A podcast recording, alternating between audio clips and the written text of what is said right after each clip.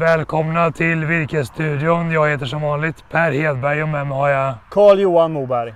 Virkesstudion görs av Virkesbörsen i samarbete med Ludvig Company och med ATL och de hittar ni på atl.nu eller ludvig.se.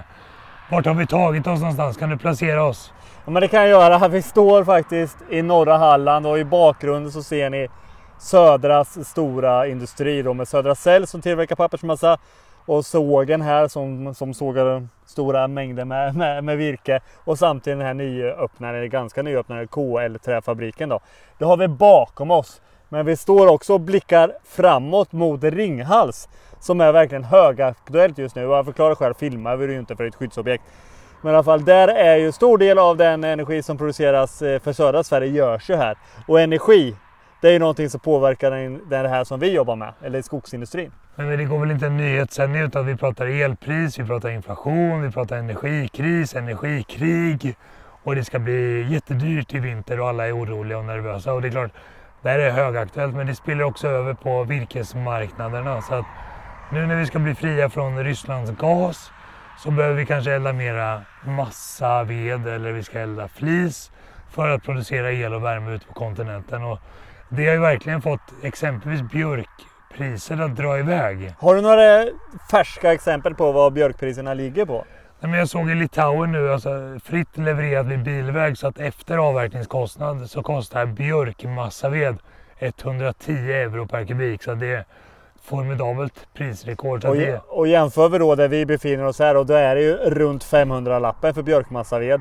Men då ska vi ha med oss, då det tillkommer ju, eller får man ju dra bort avverkningskostnaden där. Och lik där så har ju avverkningskostnaderna ökat markant då med tanke på eh, fördyrade bränslepriser. Och det gör jag. Jag tror ju att massavedspriserna i Sverige behöver komma upp för att försvara volymerna från massaproducenterna eller från energiproducenterna runt om i Europa. Så jag tror på fortsatt stigande massavedspriser. Men kan du hjälpa oss lite grann på sågtimmersidan vad vi ser där? Jo, men om man kollar på sågtimret, om vi bara kommenterar just att den här lite sortimentsvandringen som kan ske. Vi vet ju till exempel att ett sånt här bruk här borta får ju inte stå stilla. och Har man inte råvaran då kommer det ju ibland köra in lite sågtimmer där för att hålla igång bruket. Eh, och jag tror att det kanske är samma sak på energisidan, att man kommer se att mer kanske timmer och eh, massaved kommer eldas upp bara för att hålla igång produktionen. Men överlag sen på sågtimmersidan är det ju så att det är viss inbromsning. Vi ser inte några sänkningar i prislistor. Men lite inbromsning vad gäller lite produktionsnedskärningar och sådana saker. Vi vet ett litet ändrat beteendemönster från oss att vi kanske inte använder bygger lika mycket just nu. Men vi får ju absolut inte glömma liksom att att det har varit på sådana extrema nivåer om man säger på den sågade varan. Så det kanske går, går ner till lite mer bättre än normalt. Ligger det ju på. Det är ju fortfarande inte billigt att köpa virke. Så att jag tror på en fortfarande stabil efterfrågan. Men man måste ju hela tiden vara om och kring sig. För det kan ju vara så att vissa aktörer har en bättre förmåga och bättre affärer för att kunna köpa just ditt virke. Så använd alltid virkesbörsen när du säljer virke. Så är det så att svensk industri som exporterar mycket av sina färdigvaror de är också lite dopade av en svensk, svag svensk krona. För kapitalet tenderar att fly till dollar och till euro, de starka internationella valutorna, när det blir osäkert och turbulent i omvärlden. Och det gör att svenska kronan har tappat mycket och det gör att de skär guld där inne på Värö exempelvis, när de säljer mycket i dollar. Ja, nej men så är det ju och det har ju varit en vi har ju haft en svag krona under lång tid och den har blivit än mer nu precis som du säger. Så att, eh, och det har de visat på de här resultaten de har presenterat och det är inte bara Södra som har levererat bra resultat. Och det ser vi också att det finns många internationella aktörer som kommer till Sverige för att köpa virke till bra priser. För de tycker att det blir så att säga en rea på svensk virkesråvara. De kan köpa billigt när nu björkmassaveden i Litauen kostar 110 euro per kubik så framstår våra 500 som väldigt små i sammanhanget. Ja men det är det och vill du kolla mer hur virkespriser ser ut i vårt närområde runt Östersjön så går du in på tribula.com. Där kan du göra och jämföra hur virkespriserna ser ut i norra Europa. Det är fascinerande för att virkespriserna i Tyskland, Polen, hela Baltikum, även Finland är högre än vad de är i Sverige. Och sen så är de lite lägre i Norge än vad de är i Sverige till och med. Och på tal om Norge så har vi spännande nyheter kring Norge. Ja men verkligen. Vi har den här veckan lanserat i Norge så nu som du som skogsägare eller virkesköpare i Norge kan använda virkesborsen.no. Det fungerar precis på samma sätt som i Sverige.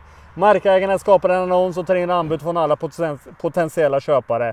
Och vi ser ett stort intresse från markägarleden och vi ser samtidigt stort intresse. Och precis som du säger, det är inte bara de inhemska köparna som är där och handlar. Utan det är svenska köpare, det är traders som kanske jobbar med utlandsaffärer och kanske direkt också då med utländska köpare som är där. Sen ser vi också den här energikrisen som vi är någonstans i eller på väg in i öppnar upp nya affärsmöjligheter. Storskalig produktion av solenergi på mark kan ge just nu betalningar på någonstans 25-30 000 kronor per hektar och år. Att jämföra med vad Södras genomsnittsgård kastar av på 1350 kronor per hektar år. Stora affärsmöjligheter att titta på alternativa intäktsströmmar för skogsägare också. Ja men det är det ju och det här tror jag också också så intressant om man står i begreppet att köpa eller sälja, sälja en fastighet. Och när vi är nu i Halland så har vi faktiskt träffat Ulf som är mäklare på Ludvig Fast och jag tycker att vi hör lite på honom vad han har att säga om hur markägare eller skogsägare agerar på en glödhet fastighetsmarknad får man ändå säga.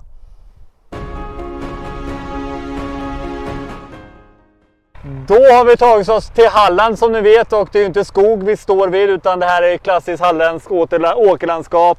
Vi har havet här ute, vi har lite solceller och vi har vindkraftverk här och traktorn går och plöjer här. Men vi står ju inte här och pratar om jordbruk utan här står vi med Ulf som är mäklare på Ludvig Company. Du kan presentera lite dig själv för våra tittare. Ja, eh, jag heter Ulf Lindahl och är fastighetsmäklare sedan ganska många år på Ludvig Company eller Ludvig Fast som vi numera heter. Ehm, och eh, jag jobbar huvudparten i eh, norra Halland kan man väl säga. Precis, och det är ju där vi befinner oss. Men hur ser marknaden ut för skogsfastigheter i den här delen av landet? Den är riktigt, riktigt bra. Eh, vi har ett bekymmer möjligtvis och det är att vi har få säljare. Därför vi har en stor efterfrågan på skogsfastigheter. Eh, eller fastigheter rent allmänt, även ren åkermark men eh, primärt skogsfastigheter.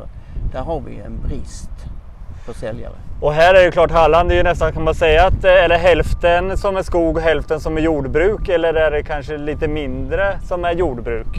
Eh, ja, lite mer, eh, ursäkta, kanske lite vulgär ibland. Jag kallar det för 10-10-10 fastigheter. Ja. Det är 10 hektar åker, det är 10 hektar skog och, och det är 10 byggnader. Just det. Så det är klart, här finns ju tre, egentligen, tre olika delar som sätter värdet på ja. det. Och det här kommer vi då osökt in på vem det är som köper fastigheter i Halland när det kanske är uppdelat lite så. Hur ser en typisk eh, köpare ut här i Halland? I Halland? Många fastigheter som vi säljer har faktiskt tre, tre stycken olika köpare. En skogsköpare, en åkermarksköpare och en för den lilla gården. Just det. Det är det van, väldigt vanligt att vi delar upp fastigheterna idag från en till tre. Ja. Och ibland eh, gör vi det och ibland gör köparen det. Alltså man köper hela fastigheten och sen så delar man upp den i, i efterhand. Det hänger lite grann på vem som är, är säljare. Ja, för kollar man om man så infrastrukturmässigt i Halland så är det vi har ju navet med sexan och vi har ju egentligen fyra stora städer. Kungsbacka, Varberg, Falkenberg och Halmstad. Mm. Och Laholm kan man nästan räkna till där också, ja. så det blir ju fem. Så det finns ju väldigt stor närhet till infrastruktur och mycket arbetstillfällen. Mm. Och då kanske det är intressant att hitta den här lilla gården. Ja, det är det. Eh, motorvägen är ju som ett nav som du säger och, och eh, det är det som bygger efterfrågan. För att eh, många norrifrån priserna ökar på boende och så vidare så att vi, vi rullar liksom neråt. Och, och likadant söderifrån från, ja, från Åsen, från mm, Skåne mm. och uppåt så kommer det också eh, upp en massa intressenter och köpare som pendlar.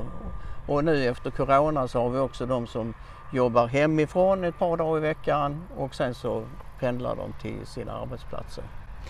Ser man då att eh, gårdar, fastigheter med hus på som har en fiberanslutning, ser man att prisbilden blir annorlunda?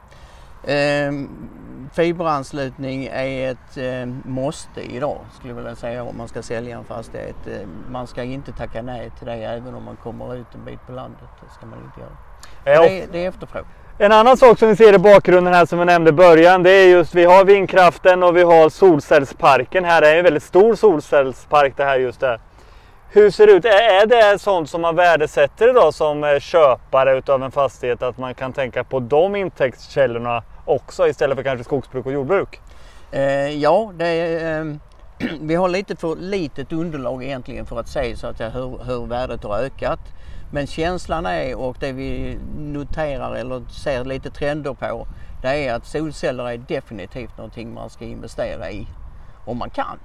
Eh, vi har noterat om jag säger så här, jag har hört arrendepriser på där elbolagen arrenderar mark för att sätta solceller som är långt över det arrendet du kan få från närmaste granne som ska odla vete eller vad han ska eh, odla för någonting. Mm.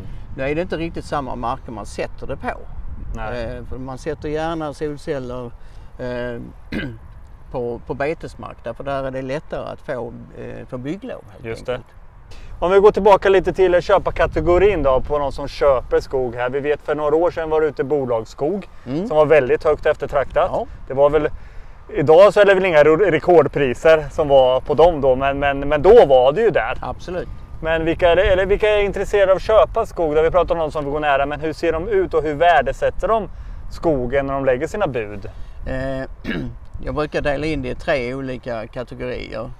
Eh, skogsfastigheter upp till någonstans 3,5-4 miljoner. Där kommer alla förstagångsköparna som har hört talas om att skog är någonting du ska investera i. Mm. Eh, de tittar på sina värdepapper som går upp och ner hela tiden. Och sen så läser de vår statistik som vi presenterar eh, en, två gånger om året. Mm. Där man konstaterar då att ja, men skogen är mycket stabilare i sin värdeökning. Inte lika våldsam men den är definitivt stabilare. Mm. Så de betalar bra eh, förstagångsköparna och de har många gånger då fått loss pengar någonstans ifrån. Och är, de, är, de är bra köpare upp som sagt till en eh, 3,5-4 miljoner kronor. Mm. Däröver sen, säg från 4 miljoner upp till 10 Eh, det är nästan uteslutande grannar eller folk i området som köper de skogsfastigheterna för att lägga till eh, sin befintliga.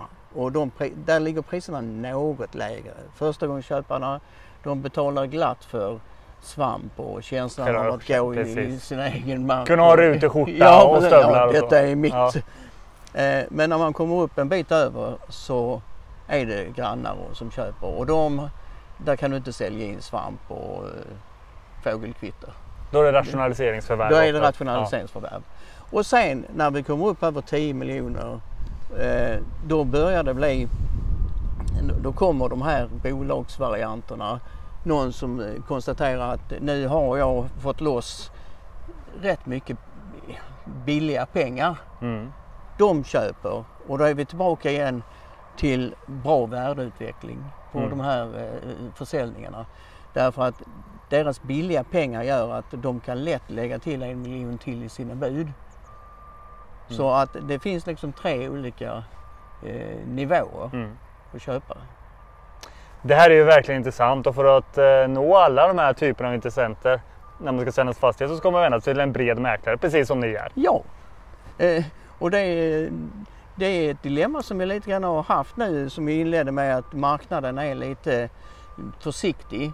Det är att alla de här eh, tråkiga rubrikerna med krig och räntor som går upp och inflation och eh, lågkonjunktur. När vi tittar på vår statistik som vi presenterade för ett tag sedan för första halvåret. Vi märker ingenting utav det.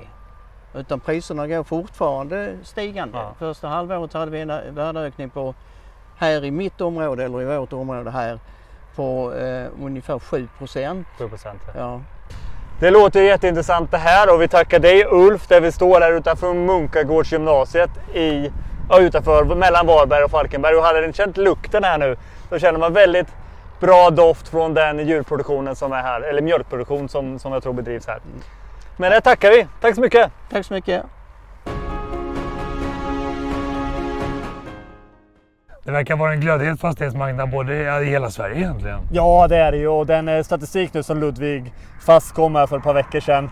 Den är ju främst baserad på södra Sverige, så norra Sverige är inte riktigt med för man gör de flesta affärer under sommaren där uppe. Det ska bli jätteintressant att följa den, hur den har varit i Norrland också. Det verkar vara en eh, spirande framtidstro hos de som köper skog. Vad ser vi för trender kring användandet av skog? Har du någonting? Ja, men det tror jag ju verkligen att vi bara sett början i, i själva utvecklingen. Och den här veckan som har som förra veckan så var det Trä och teknikmässan i Göteborg. Då passade jag på att gå dit på en lunch och lyssna på lite intressanta föredrag. Och det som jag tycker får med mig det är ju liksom dels den här storskaligheten i byggelement och de bitarna. KL-trä, limträ och den saken. Det är ju verkligen på, än mer på frammarsch. Och i Göteborg har man ju byggt Volvo har byggt ett stort eh, upplevelsecentrum där som egentligen enbart är byggt i limträ. Eh, Liseberg håller på att bygga en stor eh, badanläggning som är limträ. Och det som är intressant är ju att man ser att arkitekterna nu är med redan från tidigt stadiet och vill ha in mer trä. Men man ska också ha med sig, många av de här eh, eh, arkitekterna pratar också om liksom att hållbarheten, inte bara liksom i, i, i, i plankan och brädan men även då hur den tas fram i skogen. Så där finns ju också en diskussion, en dialog, hållbart brukande skogar och sådana saker, långsiktighet och, den, och spårbarhet. Så där måste man verkligen som skogsägare vara med och följa vad, vad som händer. Och jag tror liksom att den här strukturella tillväxten som vi ser för trä i byggande och så vidare. Det kommer hjälpa fallet, dämpa fallet om nu konjunkturen viker väldigt kraftigt. Jag tror, att, jag tror väldigt mycket på trä. Jag tror att det kommer stå emot bra också. Oh ja, men vi vet ju också i lågkonjunktur så gör man ju mycket satsningar vad byggnationer och få igång Eh, ekonomin på det sättet. Och nu står vi har ju trät här liksom och det kommer användas mer. Så att det är bara att se till ut med stål och betong, använd där det verkligen behövs och sen ska vi använda trä. Gå in och jämför virkespriser på virkesborsen.se. Verkliga virkespriser, listpriser, massaved, sågtimmer, där finns alltihopa. Gå in på tribula.com, det stavas T-R-E-B-U-L-A.com och jämför virkespriser runt Östersjön. Jätteintressant att gå in på virkesbossen.no och följ hur det går för oss i Norge. Ja men det tycker jag alla gånger. Så att med det tackar vi härifrån för denna fantastiska brittsommardag i norra Halland.